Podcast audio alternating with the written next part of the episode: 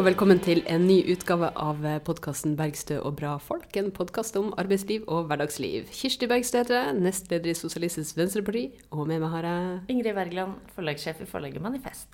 Og i dag så skal vi snakke om noe som eh, preger ganske stor del av hverdagslivet til folk. I hvert fall på deler av livet. Ja. Eh, det er en glede å ønske velkommen til Åsne Skjelbre Refsdal, som er nestleder til sentralforvaltninga og som også er leder for organisasjonen Pensjon for alle. Det siste tenkte vi å snakke mest om i dag. Men eh, Åsne, fortell litt om deg sjøl først. Ja, hei. Jeg heter Åsne og er 38 år, snart 39. Når har du bursdag? 29. Eh, oktober. Ja, det liker vi gjerne. Det. Um, jeg er ja, fulltids tillitsvalgt i NTL. Um, kommer fra Landbruksdirektoratet. Eh, frikjøp derfra. Og har vært eh, ansvarlig for import av kjøtt der. Så har jeg eh, mann og to barn og bor på Bogerud. Ja, Men du kommer ikke derfra sånn egentlig? Nei, det er bra du spør. Fordi det er en veldig vanlig at jeg blir spurt om hvorfor jeg snakker så rart. Eller så fint. Foredrag. Eller fint. Ja. Men jeg har en litt sånn brukt dialekt, og det kommer av at jeg er fra Sogndal i Sogn og Fjordane. Flytta til Tønsberg da jeg var tolv, og så har jeg en sånn eh, sammensmelting av ulike sammenslutninger av den uh, dialekta. da. En slags best of? En best of, eller en uh, prøve å tilpasse seg uh, det beste i to verdener. det beste fra alle verdener. Der har du Åsne. Det er veldig artig at du er fra Sogndal. Der har vi jo nylig fått en fantastisk varaordfører fra SV, Vibeke Johnsen. Så vi kan jo bruke anledninga til å gratulere Vibeke med eller folk i Sogndal med å få Vibeke inn der, da. Veldig bra. Veldig bra. Men eh, Pensjon for alle, Åsne, hva, hva, er det for noe? Pensjon for alle er en organisasjon som er, ble oppretta i uh, vår um, etter at vi hadde hatt et stort uh, pensjonsoppgjør i offentlig sektor. Det er en samling fra altså Da la vi ned organisasjonen Forsvar offentlig pensjon. Og så gikk vi sammen med privat sektor og oppretta da denne eh, organisasjonen. Og nå har det jo pågått flere eh, reformer i eh, både offentlig og privat sektor når det gjelder pensjon. Eh, og den siste store nå, det er noen igjen, men den siste store nå var jo da å få på plass eh, ny offentlig tjenestepensjon, som skal da måtte snakke bedre sammen med alderspensjon og folketrygden. Merker jeg Med en gang så blir man å snakke om vanskelige eller sånne begreper og ord, men det kommer vi sikkert tilbake til. Um, men da samla vi på en måte frontene, uh, og skal nå begynne på, og har starta opp, et arbeid for å gjøre alderspensjonen i folketrygden bedre. Så det er på en måte hovedmålet. Og så er vi jo også opptatt av uh, å styrke AFP. Eh, avtalefesta pensjon, eh, som det heter. Som også nå skal eh, mest sannsynlig bli lik i offentlig og privat sektor. Så det er en sammenslutning av som altså Man kan slutte seg til da, hvis man er en fagforening eller en klubb eller ulike eh, fagforeninger som måte, går sammen på tvers av LO-familien. Så vi har Utdanningsforbundet-medlemmer, altså, som er en del av Unio.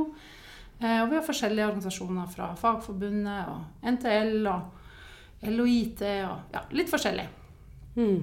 Hvor mange er det som er med totalt? Er det, er det sånn kjempelange lister? Det, det, begynner, å, begynner å bli altså Nå er det jo prosesser. Når man skal sluttstille en ny organisasjon, så skal man gjerne gjøre det med et årsmøte. Og den måte, prosessen tar litt tid. Men det er mange som har meldt interesse for å, å melde seg inn. Så den, eh, jeg har ikke helt oversikt nå hvor mange det er. Eh, men det er en bra, bra liste, og vi får stadig henvendelser om å tilslutte seg. Så det er kjempe, kjempebra. Men dette er da en, en ny organisasjon eh, som, som, da lever videre fra det som da tidligere het Forsvar offentlig pensjon og eh, hva heter det i privat sektor? ja, altså de, Rettferdig pensjon er vel den gruppa som de mm. var. Og de jobber også mye allerede, eller fortsatt med det som skjer i privat sektor. Mm. Eh, som er en liten eh, eller en, en bra gjeng der. Mm. Eh, så men du sier nå at nå er liksom hovedfokuset deres er å, å styrke pensjon i folketrygden? Ja. Det er det, men det er jo sånn altså når Det er en lang kamp, da, for å si det sånn. Eh, og det er mange ting som ikke eh, fortsatt er avklart i, eh, i både i offentlig og privat sektor. Sånn at der eh, trengs det å gjøres eh, Der har vi også et fokus, da. Så man er jo også gjerne seg sjøl nærmest. Der som på en måte I offentlig sektor nå så er det særaldersgrenser, som er da en pensjonsordning for de som må gå av før brannmenn, en del sykepleiere, politi har særaldersgrense, sånne type ting.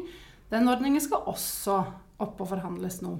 Så vi følger, prøver å følge litt med på det. Men det er jo gjerne sånn, og det er et viktig poeng for oss, det er jo at eh, pensjon er vanskelig, og pensjon er masse forskjellige ordninger, og det er kul umulig egentlig å ha oversikten. Eh, så for, eh, for, oss så blir skolering om det som har skjedd, veldig viktig for å måte mobilisere til kampen som kommer. Fordi endringene som har kommet i, eh, i pensjonsreformen, da, egentlig. Den store, Den store pensjonsreformen. pensjonsreformen som ble innført i 2011, og som vi nå i offentlig sektor fort, er da, måtte ha fått endringer som er tilpassa den. Der er det de som er født i 1963 og seinere, som på en måte er eh, den store gruppa som på en måte blir inn i det her nye systemet. Og der er det veldig stort behov for å skjønne hva er det som har skjedd. Eh, og det, har vi, det gjorde vi mye når det var uravstemming på offentlig tjenestepensjon. Eh, og det arbeidet bare må fortsette, rett og slett. Fordi det er så viktig at folk skjønner litt eh, hva er det som har endra seg, og hvorfor er det viktig at man må forholde seg til det. Og kanskje aller mest syns jeg da at jeg ser jo at eh, finansnæringa og banker og sånn pusher jo veldig nå på individuelle pensjonssparingsordninger. Eh, og når jeg får unge mennesker som Når jeg holder foredrag da, og snakker om pensjon, og jeg får unge mennesker som spør ja, bør jeg begynne å spare sjøl, mm. så syns jeg det faktisk er vanskelig å si ja eller nei. Det er avhengig selvfølgelig av livssituasjonen og muligheten du har til det. Men eh, systemet er jo lagt opp sånn nå at nå er det ikke lenger en garanti for at du får en god pensjon eh, ved verken 62, altså den tidligpensjonsordningen som vi hadde borte, og, eh, og, en ok pensjon ved 65 eller 67 år. Så da må man jo tenke ja, hvor sannsynlig er det at jeg klarer å stå i jobb til jeg er 70 år? Og mm. hvis du har en historikk eller ikke har planer om det, eller livsvalgene dine blir sånn at det ikke er mulig, så må man nesten si at ja, men hvis du har penger nå til å legge opp sparing, så ja, Kanskje ikke nødvendigvis kjør på med bankens eh, pensjonssparingsordning, for da begynner du opp penger. Men uh, bolig er jo en sparingsmulighet, da. Og det er jo ikke akkurat det beste å si til unge i dag at uh, ja, invester i bolig. For det, boligmarkedet er også krevende, kan du si. Så det er mange store mange store spørsmål som man på en måte må forstå at man må forholde seg til, da, vil jeg si, på et sånn overordna nivå når det gjelder pensjon og jeg tenker eh, Altså, da jeg vokste opp, så lærte vi jo at uh, når man er voksen, så må man jobbe for å, for å tjene penger og ha mat på bordet. Mens når man blir gammel, da blir man pensjonist, og det, da får man jo pensjon. Mm. Uh, og det er klart at som barn så var vel ikke dette jeg forholdt meg veldig sånn aktivt til hvor mye en pensjon var, men jeg tenkte jo at det var i hvert fall en trygghet som man fikk da. Mm. Uh, og så har det jo skjedd et uh, enormt sånn stemningsskifte, som ikke bare hos meg, vil jeg tro, uh, i befolkningen også, da, med at uh, som, Både med, med, enorme pushingen fra bankenes side, men også med all du-journalistikk i tabloidene, ikke sant. Slik sparer du pensjon, slik sikrer du alderdommen din, osv. Vil du si litt om hva hva som har skjedd i liksom, hvordan man tenker rundt pensjon fra, fra før til eh, nå? Ja, altså det, det, jeg tenker da, er at det som har skjedd, er at det har blitt en eh, si En individualisering i form av at det, form av at det er du sjøl som skal eh, velge Og det er jo veldig mye retorikk i det her òg. At mm. det er opp til deg sjøl at du skal velge å jobbe lengst mulig. Og i det så ligger jo premisset om at eh, ja, fordi det er så mange tidligere som bare slutter når de er 62, for det er så beleilig og det er så greit, og du får en trygg pensjon, sånn som du sier. Og så er det ikke så er det på en måte De har tatt et enkelt valg, eh, mens eh, eh, Det som var før, da, var jo at du hadde en eh, Altså en sikring gjennom eh, en sånn tidlig pensjonsordning, AFP, som skulle sikre deg. Og den var jo tenkt for sliterne. At du skulle på en måte kunne jobbe og så få en ok pensjon. Altså de som er i tunge yrker, ikke klarer å stå er- Ja, ikke sant? lenger. Mm. Og det var en kollektiv ordning, at du på en måte um, skulle, sikre, skulle sikre de, og så skulle du på en måte kunne komme deg da til 67 år og få 66 i pensjon har vært målet fra man oppretta alderspensjon i folketrygden.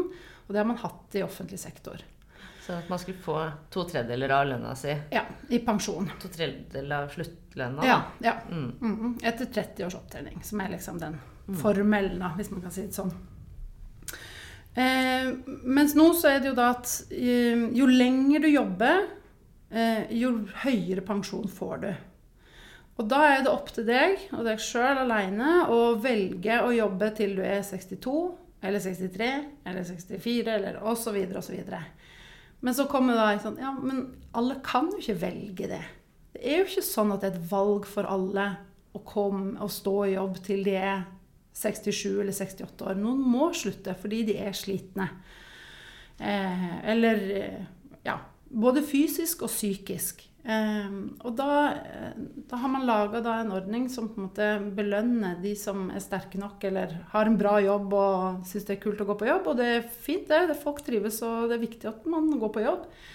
Men det straff, straffes jo da veldig å gå av eh, hvis du må gå av som 62 eller 63 eller 64-åring. Så det er en heving av pensjonsalderen da, i realiteten, for du er nødt til å jobbe lenger eh, for å få en ok pensjon. Det, men det, altså måten det rigges på, er eller måten det omtales på, måten du på en måte skal tenke på, da, er liksom hva er det du sjøl velger, og hva er det du sjøl liksom skal klare. Og det valget er jo ikke reelt for veldig, veldig mange. Og det er noe som er veldig frustrerende. at Måten man tenker om det på, er jo da at det har gått bort fra det kollektive. At alle skal få 66% eh, ved 65 år. Og så er det noe borte, da.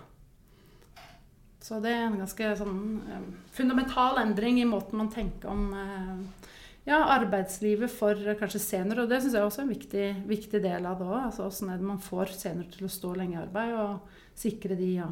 Eller ikke bare seniorer, men også andre arbeidstakere. Så I praksis kan det bety at en person eh, som da går av som 62-åring, kan få ja, 50% eller noe sånt? Ja da, det masse det, Eh, og en som kan stå til 69-70, kan få langt over 66? Ja. 80% er noen beregninger. 84 og så Altså, det lønner seg å være frisk og rask, da. Det lønner seg veldig å være frisk og rask. Å ha en jobb du trives i, og ha en jobb der arbeidsgiver syns at du er verdt å være ansatt. Eh, for det ser vi jo nå når det er mye omstillinger i staten, så er det veldig fort eh, seniorene som blir peka på, eller på en måte ikke har riktig kompetanse, eller sånt. Altså lettere å pushe ut. Og dagens måte, seniorer har jo fortsatt eh, den her gamle AFP-en, så det, det er jo bra. Altså de som er født før 1963. ja, Mm. Mens eh, det kommer jo til å endre seg. Og da er vi jo litt tilbake til sant, hva er denne organisasjonen? Jo, det er et langsiktig arbeid for, å, for å sikre de som kommer, eller vi da, som sitter her for så vidt, for vi er jo alle inkludert i den nye, nye ordningen. Mm. Og da er det langsiktig arbeid for å styrke folketrygda. Ja, primært, for det er den som ligger der i bunn. Det er de, den modellen som ligger der, som er akkurat det her prinsippet. At det skal lønne seg å jobbe, og det skal lønne seg ekstremt å jobbe som senior. Eh, som 62-åring så taper du også Ja, osv. Så sånn at eh, eh, hvis vi får endra en premissene i alderspensjon i folketrygden, så vil det på en måte også kunne ja, det, det er de samme premissene som er i de andre ordningene også, da, for å si det sånn. For da diskusjonen rundt pensjonsreformen kom, så var jo eh, mantraet at nå er det mange flere som blir eldre, eh, og eh, det blir veldig dyrt. Mm. Eh, og man har hatt liksom gullkanta ordninger, Mm. den typen begrepet ble, ble brukt. Og da husker jeg at vi lagde en sånn løselig organisering som het Ungdom mot pensjonsreformen. Ja. Fordi at det ble jo fremstilt som om det var, som om det var en, en generasjonskamp. At det var liksom generasjoner opp mot hverandre. Mens det vi svarte med, er jo at dette er jo et klassespørsmål. Og det er jo vi som er unge i dag, eh, som vil tape på at fremtidas pensjoner kuttes. Og det ser vi jo at veldig stor grad har skjedd gjennom de her gradvise innføringene som, som har eh, kommet. Mm. At det blir mer og mer individualisering av, av ansvar. Og det ser vi at situasjonen i arbeidslivet nå, det er jo at veldig mange går av før de i det hele tatt når pensjonsalderen. Ja. Som, ikke som alderspensjonister, men som ufør. Mm. Hvordan rammes de i dette bildet? Nei, det er jo akkurat en måte, det, det samme, bare enda verre, hvis man kan si det sånn. Da. For der er det jo at altså, per definisjon, når du er ufør, så kan du jo ikke jobbe. Eh, og når de da eh, når eh, pensjonsalder, så eh, Eller så regner jeg jo at eh, opptjeninga slutter eh, ved, ved 62. Eh, og så le, altså det, her, det vi snakka om, og jeg tenkte jeg skulle prøve å unngå å si ordet levealdersjustering, for da begynner vi å bli sånn tekniske og sånt. Men, der, men de får da eh, De blir også ramma av den her at det skal lønne seg å jobbe. Men det er jo helt si, kokolaisen, for de kan jo ikke det. Det er jo det som er så utrolig baklengs i de greiene her, at eh, en ufør per definisjon kan jo ikke jobbe. Og så likevel så skal pensjonen de får utbetalt, levealdersjusteres. Og de har hatt en skjerming nå, eh, men den har jo regjeringen foreslått å fjerne. Altså skjerminga av levealdersjustering leve for uføre. Mm. Mm. Levealdersjustering, det var et ord du egentlig hadde tenkt å unngå. Ja. Kan vi forklare det? Ja, det er egentlig akkurat det her. Det er det at eh, det, det, jo, jo eh, lenger du jobber, eh, jo mer pensjon får du. Og vice versa. Jo kortere du jobber fra du er 62 år, for det er der du begynner å levealdersjusteres hvis du tar ut pensjon. Og det er da beregnet på hvilket år du er født. Ja, det er det. Mm. Fordi man ser på da hva som er snittalderen for det, det året du er født. Ja, og så ser man da hvor lenge er ditt årskull forventa å leve. Mm. Og så tar man den opptjeningen du har lagt av da, gjennom arbeidslivet ditt, Mm. Og så fordeler man det på de forventa gjenværende leveåra ditt årskull har. Så jo lenger du jobber inn i alderdommen, jo færre år er du da forventa å leve, og jo mindre blir tallet du skal dele denne beholdningen på, og jo mer får du da utbetalt. For et tall, så får du det, det skal du da få hvert år som pensjonist. Eh, sånn at eh, det, er, det er tanken da. Og så er det jo da liksom, ja, Hvem er det som har klart å putte masse penger oppi denne eh, pensjonsbeholdningen sin, og hvem er det som har klart å putte lite i? da, og Da er det en beregning, så tar man 18,1 av, av eh, lønna di og putter oppi hvert år. Det sørger Nav og Skatt for at de på en måte beregner den. Og den kan alle gå inn på pensjonen din.no, og så kan du se. og Alle har nå en pensjonsbeholdning.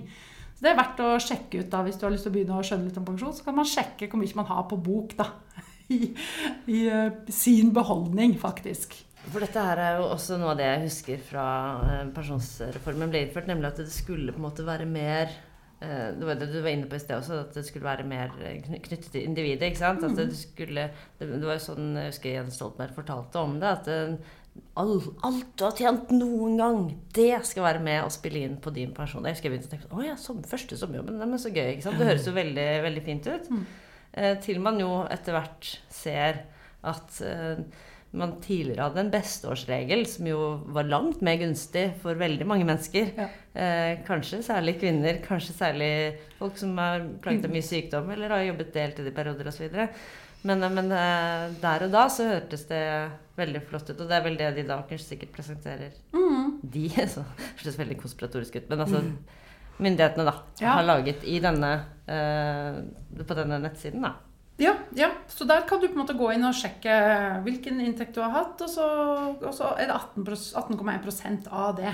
Og det når jeg holder foredrag om det her, så gjør det egentlig ganske greit for folk å forstå. Du har en inntekt, så ser eh, myndighetene på hvor mye det er, og så tar de 18,1 av det og legger av i den beholdningen. Det er ikke faktiske penger, og de trekker ikke ut lønna di eller noe sånt, men det er en beregning som de på en måte da legger av seg. Nå har du hatt sånn lønn, og så er det her du da legger av. Og sånt er det hvert år. Og så øker jo den med, med hva heter det, G, eller den derre Mm, reguleringa. Ja, Mm. regulering.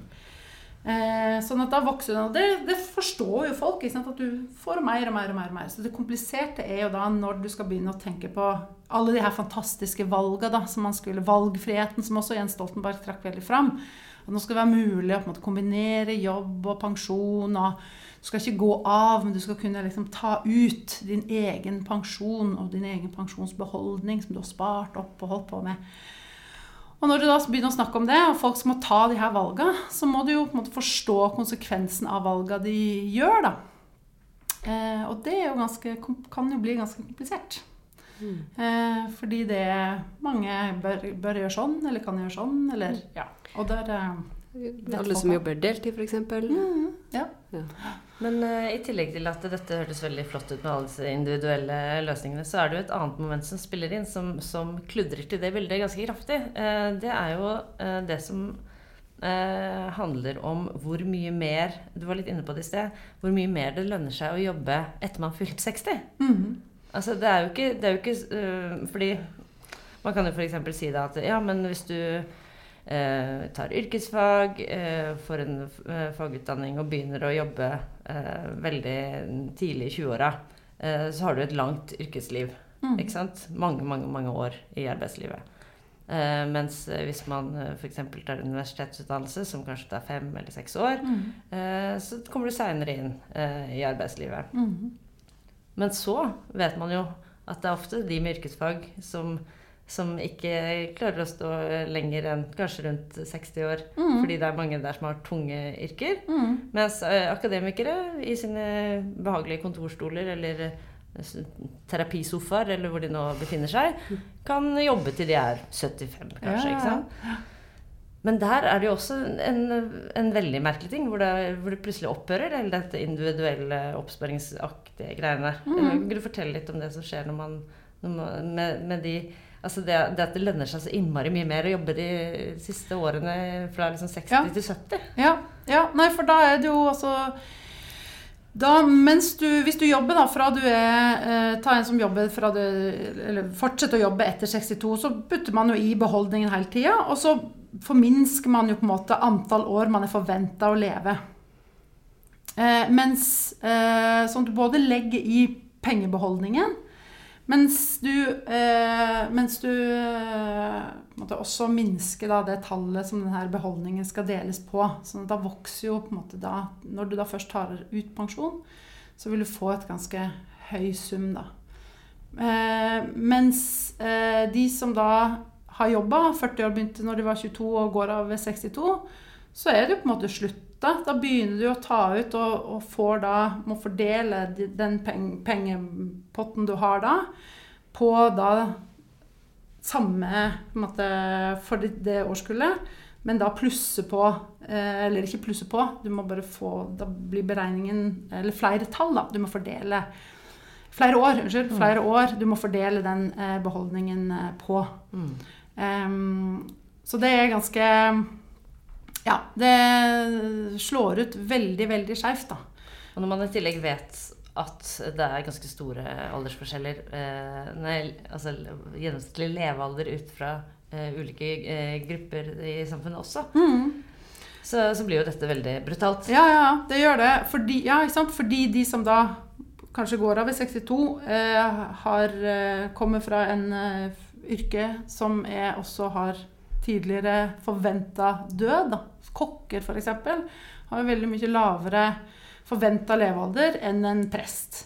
Det er vel det to klassiske liksom, sammenligningsgrunnlaget. Men en perso to personer, da, en kokk og en prest, har jo, eh, har jo da, hvis de er født i samme året, får jo da samme som de skal dele dele det her eh, beholdningen på.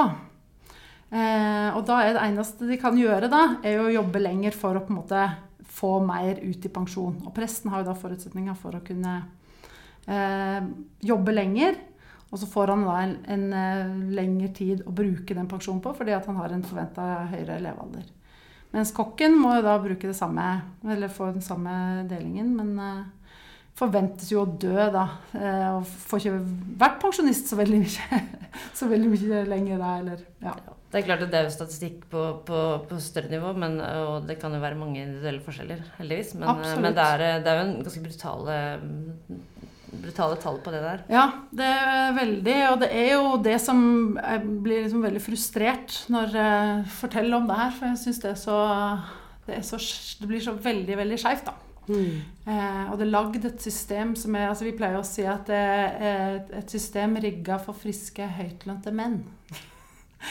og det passer jo egentlig ganske godt til beskrivelsen av hvem er det som på en måte kan jobbe lenge. Mm. Jo, det er hvis du er frisk. Og ser man på statistikken, så er det mange menn. Eh, og det er også de høytlønte er jo også jobber, sånn som du sier, da, som sitter på kontor og har forutsetninger for å kunne måte være lenge i arbeid. Så vi har gått fra et uh, kollektiv ordning som skulle sikre alle, til et system for friske, høytlønte menn. ja. Mm. Den, kort oppsummert. Kort oppsummert. Vi, har jo vært stortingsrepresentant, og da eh, var, inn, var vi innom en, eh, en, pensjonsdebatt. For det er man jo med jevne mellom alt skjer jo stykkevis og delt mm. i denne reformen. Mm. Og da brukte begrepet eh, pensjonsran og fikk tilsnakk fra stortingspresidenten, for det var ikke et godt parlamentarisk uttrykk. Men det er jo det som har skjedd. Ja. Ja, det er jo et massivt pensjonsran som har skjedd. Men det, og det er jo på en måte det er jo en så, viktig del. Og så er det jo også generelt, kan man si, da, unge mennesker. Altså, vår generasjon generelt har jo da fått et pensjonssystem. Uavhengig av om du er på en måte har for Eller ingen har en garanti om at vi kan jobbe til vi er 70 år. Livet er uforutsigbart. og derfor mm er det jo så viktig at det her altså Det er et klassespørsmål, og det er et uh, spørsmål for utjevning og, og, alle de viktige på en måte prinsipielle spørsmål. Men det er jo et spørsmål som alle egentlig som er født etter 1963, da, og yngre, bør være opptatt av. Fordi vi, ingen har lenger Eller ingen veit jo åssen det her livet kommer til å se ut. Mm. Sånn at uh, det å sikre at, at Og så er det noen som har på en måte forutsetninger for å kunne legge av penger, og fint for de, liksom. Eller oss, eller hvem det nå er. Men det at de seg sjøl har rigga et system som, som, gjør at vi må begynne å tenke i de baner i det hele tatt, det er en rasering av uh, velferdsstaten, egentlig. da, For det, det er jo en, en, ordning som man skal Opprinnelig så var det en ordning for å sikre uh, når du er ferdig i arbeidslivet, så skal man ta vare på de som har bidratt inn, betalt skatt og vært med på en måte som en samfunnsaktør og deltatt. Og så skal du kunne gå av og bli ferdig i arbeidslivet og ha penger og leve et verdig liv som, som gammel. Da. Og det er jo hele baktanken med pensjon. Og så har det gjort det her til å bli en sånn belønningssystem for å liksom sikre velferdsstaten sin eh, bærekraft. Men strengt tatt så er det jo bare en, eh, en enorm omfordeling til de ressurssterke fra de som på en måte trenger aller mest den sikringa. Det gjør meg forbanna! Ja, med rette. Ja. Men befolkningen eh, i dette landet blir jo fryktelig gammel. Og det har vi jo lært at vi skal ikke at eldrebølge er ikke et ord man skal bruke, fordi det er jo hyggelig at uh, folk lever lenge og sånn. Ja. Og, uh, og, det høres så negativt ut. Og vi er veldig glad i gamle folk. Og vi er glad for at vi skal bli gamle. Så det er vi fornøyd med. Men da lurer jeg på Måtte man lage pensjonsreformen på denne måten man har gjort? Eller kunne man uh, lage den på en mer omfordelende måte? eh, som var bærekraftig. Har du, har du regna ut det, eller? Nei, jeg har ikke regna ut det. Men det jeg har tenkt litt rundt, da, er jo det generelle eh, prinsippet om eh, Altså Eller det ligger jo en forutsetning der, hvis du tar det enda mer Det ligger en forutsetning om bærekraften i velferdsstaten. Eh, med bakgrunn i perspektivmelding og beregninger og alle mulige sånne, sånne type ting. Um, og det, der kunne jeg tenkt meg å spurt litt lenger tilbake da, og se um, at man kunne ha tenkt mer jeg, kreativt da, rundt Ja, vi har en eh, økt eh, eldre befolkning. Eh, man trenger å, å, finansiere det. Da er det flere ting som Altså, man snakker jo ikke om det. Men økt skatter er jo en ting som måte, man må tror jeg, diskutere mer mm. når det gjelder ikke bare på den eldre befolkning og pensjon, men generelt på, måte, på de ordningene vi har. Um, og så syns jeg også at staten som arbeidsgiver, når de går ut sånn som i dag f.eks., og skry, har en skryteliste av hvor mange ansatte, færre ansatte er blitt i staten, eh, og bejubler at det har, liksom blitt, de har krympa staten, Eh, så merker jeg at det blir rimelig provosert når man kunne tenkt at ja, men kan ikke staten være en, den beste arbeidsgiveren til å hjelpe og være med på å sikre seniorene en lang yrkeskarriere, sikre uføre for å på en måte kunne ha den lavere terskel for å komme inn uten å måtte masse, altså De fleste som er uføre, er jo det 100% men det er jo mange som har der, jeg liker det ord, men der restarbeidsevne, ikke det jeg kaller det. på en del sånne sånne Ønsker å jobbe litt. Ønsker å jobbe klare litt. å jobbe litt. Og klarer å jobbe ja. litt, ikke sant. Men der er det jo um, og, og, ja, ikke sant? og, og um, folk med nedsatt funksjonsevne som også altså, et ønske om å komme inn i arbeidslivet.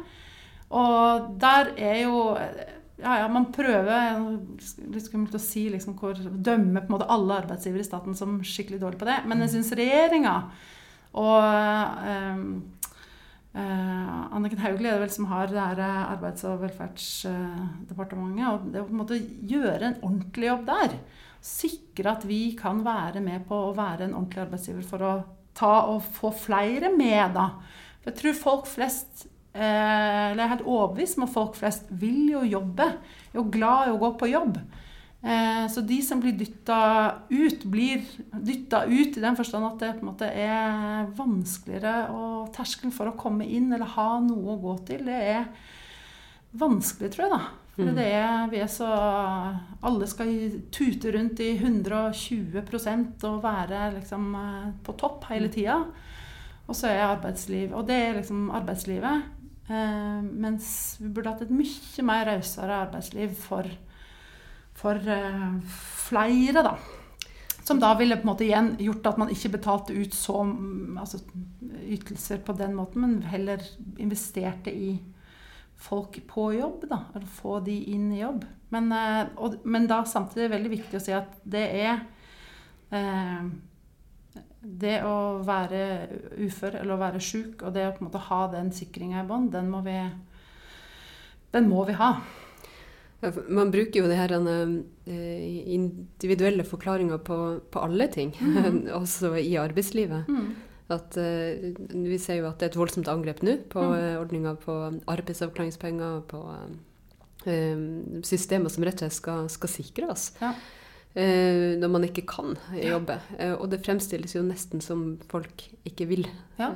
så det er jo en veldig sånn forskyvning av ansvaret fra fellesskapet til til den enkelte. Ja. Nei, for det du gjør med den arbeidsavklaringspengen altså, da tenker jeg at der også, For jeg tenkte litt sånn i, i, sammenheng med det som skjer også med pensjon da, generelt. at det, med det de gjør der, å si at det er en satsing fordi de om, legger om det her uh, systemet med at de tar liksom, og kutter utbetalingen, så skal de satse på masse andre tiltak og mulig sånt. Kan du heller øke, sånn at de som trenger det, slipper å være bekymra for økonomien sin? Og så kan du på en måte få hjelp til å komme deg inn i arbeidslivet eller være med. Men de, de, de er kutta og tro at liksom folk ved å pin, tyne det enda mer, så skal de liksom vri seg rundt og klare å få seg en da jobb. Da blir de gründere. Ja, da blir de gründere. da får du lyst til å starte din egen bedrift. Ja. Ja. Kanskje en, noe som kan bli en kjempe-IT-suksess i Silicon Valley. Ja, Nei, det, er så, det, er en veldig absurd tanke å tenke Kvinnelig velferdsgründer. Ja. ja. Ja. Mm. Nei, når du er sjuk, så skal du liksom da få enda mindre. Sånn at du må bare tenke enda mer på hvordan du egentlig skal overleve, istedenfor å faktisk vi kunne sikra de litt bedre. Så de hadde, altså sånn at det har vært overskudd da, til å være Prøve Jeg vet ikke. Ja. Så det, men det er måten det tenkes på som jeg blir litt frustrert av. Du sa det i stad, det jeg egentlig tenkte vi kanskje skulle prøve å ikke si i denne podkasten. Ja, pensjon, pensjon er jo veldig vanskelig. Det sa du i stad. Ja, men, så det- har du forklart det veldig bra, altså. Så Jo da, men vi har, vi har lagt oss på et nivå som er litt for høyt, tror jeg. Altså, bare for å si det. Men eh, da er det bare å Denne podkasten her nå? Ja, men det er bare å Da får du sende et spørsmål til meg, da, hvis du Send lurer en på mail til oss. Det Send en mail til meg, så Nei, men det var ikke det, det, var ikke det Det jeg ikke det som var poenget ditt. Vil, poenget mitt, ja, men poenget mitt er jeg tror, eh, jeg tror det er veldig eh, gjenkjennelig for mange at mange tenker at uh, dette med pensjon er veldig vanskelig, og jo mer jeg leser om det, jo mindre forstår jeg. Eh, og sånn vil det jo ikke være etter de har hørt denne podkasten. Da skjønner de jo mye mer. Men eh, dette er jo alltid introen i Dagsnytt 18 også. Nå skal det handle om pensjon, og pensjon er jo veldig vanskelig. ja. Og så har de inne en eller annen pensjonsekspert som forklarer litt. Men eh, en ting som jeg tenkte på, som er greit å si noe om, er jo hva en pensjon består av. Vi har snakket om folketrygden, og så har vi jo fordi altså Jeg bare tenker på liksom selve pensjonsslippen. da Den mm. dagen eh, jeg går av med pensjon. Mm. Så vil jeg jo da ha penger fra folketrygden. Forhåpentligvis, hvis den fortsatt finnes.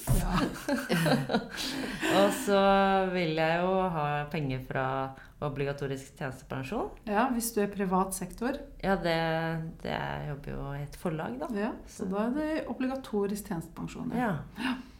Hva er det, hva er det hvis Nei, det er offentlig en- sektor, da? Da er du i offentlig tjenestepensjon. Ja, okay, det det er to forskjellige ordninger, bare. Ja, Men det er, ja, snakkes om det på, som om det er samme ting. Og det, man passer på når man leser VG og Dagbladet om hvordan man skal bli smart. Når man leser og tenker ja, er det her snakker de til en som er i privat sektor, eller snakker man til en som er i offentlig sektor? Men så jobba jeg jo litt på et sykehjem en gang. Ja. Nei, det var for lite. Det var ikke Du må huske på det her med pensjon fra første krone. Det var ikke noe pensjon fra Nei. første krone da, nei. Det er sant. Ok, da, men jeg jobbet noen år i NRK, da. Kanskje det var da, sikkert ikke nok, det heller. Ja, der, jo da, men der har du også altså en eh, tjenestepensjonsordning som er bedre enn den obligatoriske tjenestepensjonsordningen. For den obligatoriske er en lov. Men jeg hadde sommerjobb på Folkemuseet, og der har jeg nemlig fått noen brev fra Statens pensjonskasse. Sånn, hvorfor får jeg brev? Så det er noen noen skikkelige arbeidsplasser, de, de bryr seg om personer pensjon fra ja, første krone. Ja, ja. Men, men, men hva, det er ikke noe mer Og så er det da eventuelt om jeg har spart noe selv, da. Og så AFP.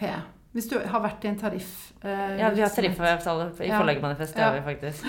Så der, men da må du ha rett altså Der er det kvalifikasjoner ved- idet du blir eh, 62 år, Mm. tror jeg det. Så må du oppfylle noen vilkår. Ja.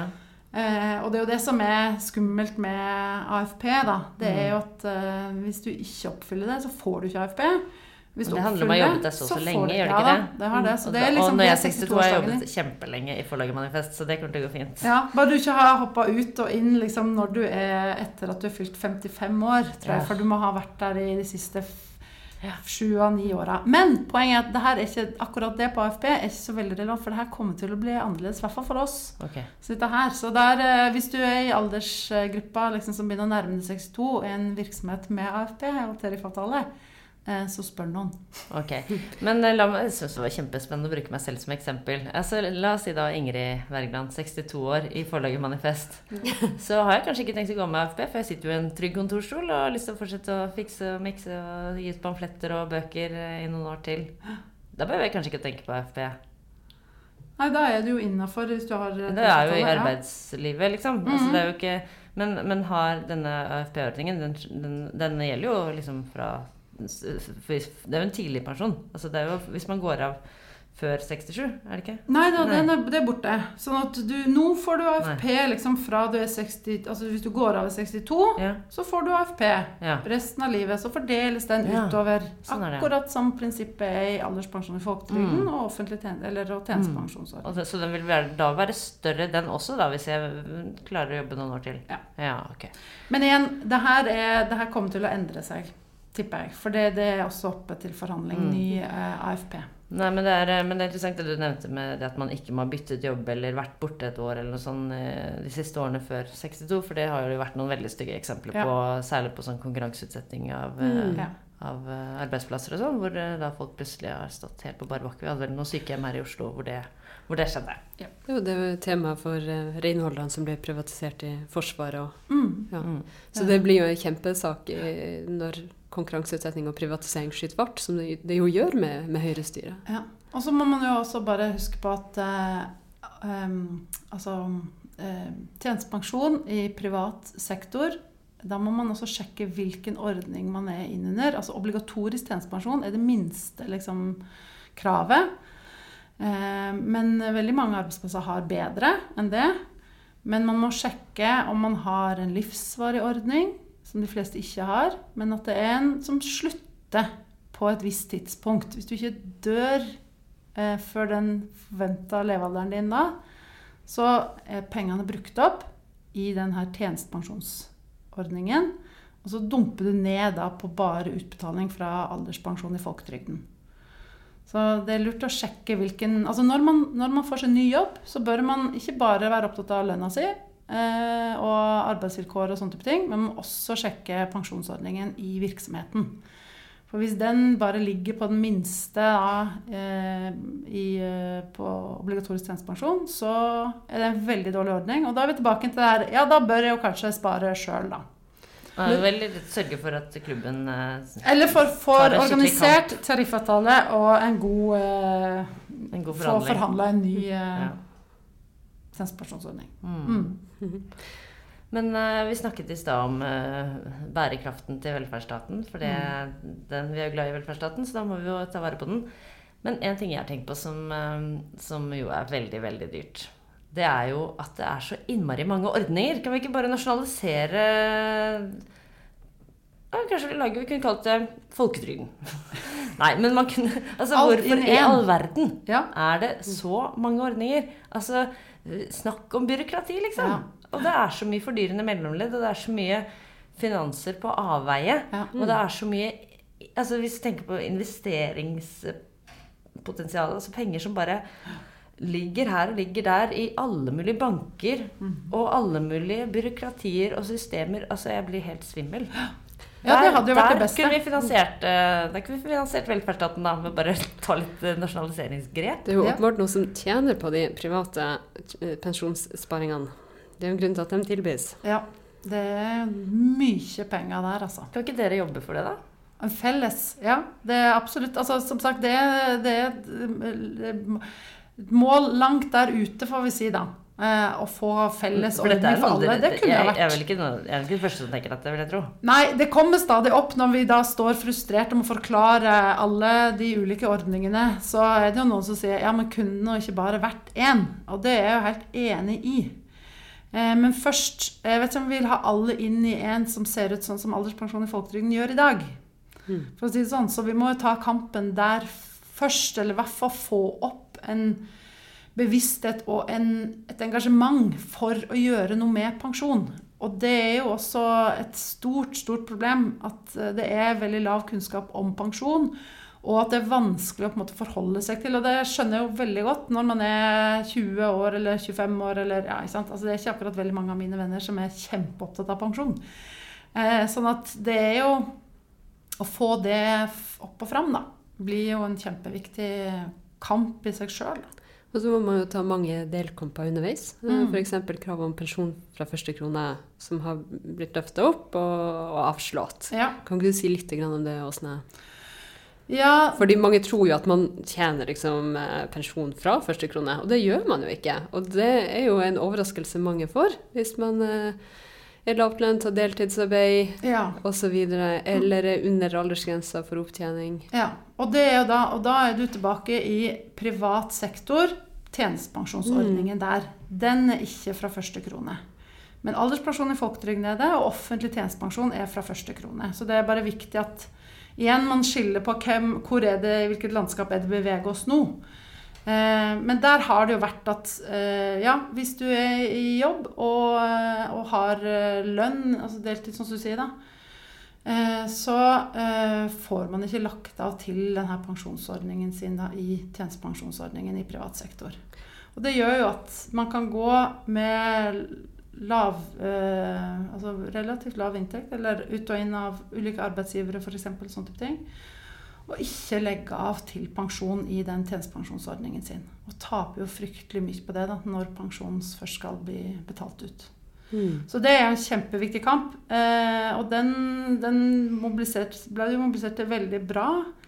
Og man hadde jo håp om at det skulle komme, eh, men det ble det ikke i denne runden, får vi si. I den her runden. Høyresiden sier alltid at alle kan ikke jobbe i offentlig sektor, men det kan jo selv om man lage litt bedre pensjonsordninger i privat sektor, da. Definitivt. For det er jo en kjempe Hvis vi har alle over dit, så må du jo gjøre litt for å bedre, bedre vilkår da, i alle fall. Tenker jeg. Men Mm. eh, ja. Du sa at eh, det her med pensjon er et langsiktig arbeid, og at Mm. dere har uh, laga denne organisasjonen for å samle alle gode krefter for nettopp det langsiktige arbeidet. Mm. Hvordan er det egentlig dere jobber? Er det sånn at dere prøver å påvirke partier, offentligheten, driver skolering? Altså, hvordan er dere Hva er, hva er liksom eh, Hva er det dere gjør for noen ting for å. Ja. Nei, altså det er jo um, det er en gjeng med noen som kan veldig mye, og så er det noen som ikke kan så veldig mye eh, om pensjon i det her styret, da, i utgangspunktet. Eh, og det gjenspeiler jo egentlig veldig bra litt eh, hvilke fronter vi jobber på. Eh, det må skoleres. Eh, vi må ut og, og det gjør vi jo mye, ut og holde foredrag. Og det er bare å ta kontakt, så kommer vi ut og prater om eh, pensjon.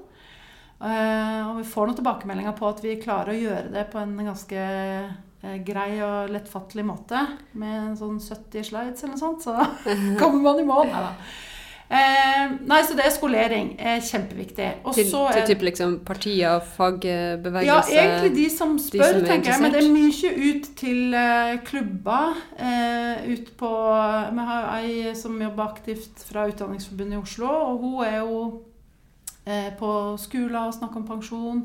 Jeg er ute hos NTL Nav og NTL eh, Statens pensjonskasse og ute hos forskjellige og snakke om, snakke snakker om pensjon. Det er så bra at du må bli invitert til de som jobber i Statspensjonskassen for å forklare Men husk at pensjonskasse gjør mye annet òg, da. Ja, ja, ja. Ja. Nei, det var kanskje ikke altså, Hvor jeg har vært i det siste? Ja, det er mye forskjellig. Domstolene, alle mulige. Vi har jo organiserer jo bredt der. Og noen som reiser ut i privat sektor. og Ja, og der er det også Ja. mange som er ute. Men eh, vi kunne gjerne fått flere til å snakke om altså man, Og igjen, da er man seg sjøl nærmest. Ikke sant? Hvilke kamper som står på nå. For det er jo det Mm. andre, da. Ikke sant? At det er kamper som fortsatt eh, vi må ta. Og da gjelder jo uførepensjon. Eh, og den skjerming som de nå vil kutte, den må vi være med på å adressere og sette på agendaen. Så der eh, prøver vi å snekre sammen et, eh, et seminar eller en konferanse her i Oslo for å sette det på agendaen før høringsfristen i desember. Sånn at vi får opp litt mer eh, diskusjon eh, rundt, rundt det. Eh, I tillegg så eh, Ja, jo AFP som jeg snakka om. Eh, men, men det er igjen å finne tilbake altså Det der å ikke glemme av syne at den store kampen er å gjøre noe med her levealdersjusteringa, eller med pensjonsreformen og åssen alderspensjon i folketrygden har blitt. Sånn at vi kan bedre få et felles system som funker for alle, og ikke den her individualiseringa eh, for den enkelte. Så dere er den koordinerende og mobiliserende krafta for et mer rettferdig og sosialt eh, omfordelende pensjonssystem. Og en av de som er med i den gruppa di, har jo skrevet en veldig fin pamflett på forlaget Manifest. Absolutt. Som heter 'Rettferdig pensjon' Mm. av Øystein Garberg. Han er i LHIT. og Mm. Og så kan jeg jo også nevne at Manifest Tidsskrift eh, har publisert en del eh, artikler om pensjon. Mm. Og det er klikkvinner, altså. Det er clickbait. Folk elsker å lese om pensjon. Det er tydeligvis et enormt sånn kunnskapssug der ute. Det er det. Men du merker når man er ute og prater, så, så får man jo altså Da møter man jo òg liksom, Prøver å nå det på et nivå som, som gjør at man ikke begynner på en måte med en sånn Ja, så har man en pensjonsbeholdning, og så, må man, eh, så blir det levealdersjustert med delingstall. Og så ser du at tre fjerdedeler av salen, eller fly, altså det blir helt sånn Rullegardina går ned. Og jeg er litt sånn Ja, men det her har jeg jo lest om. Jeg skjønner det jo ikke. Jeg må jo forstå Hva er greia?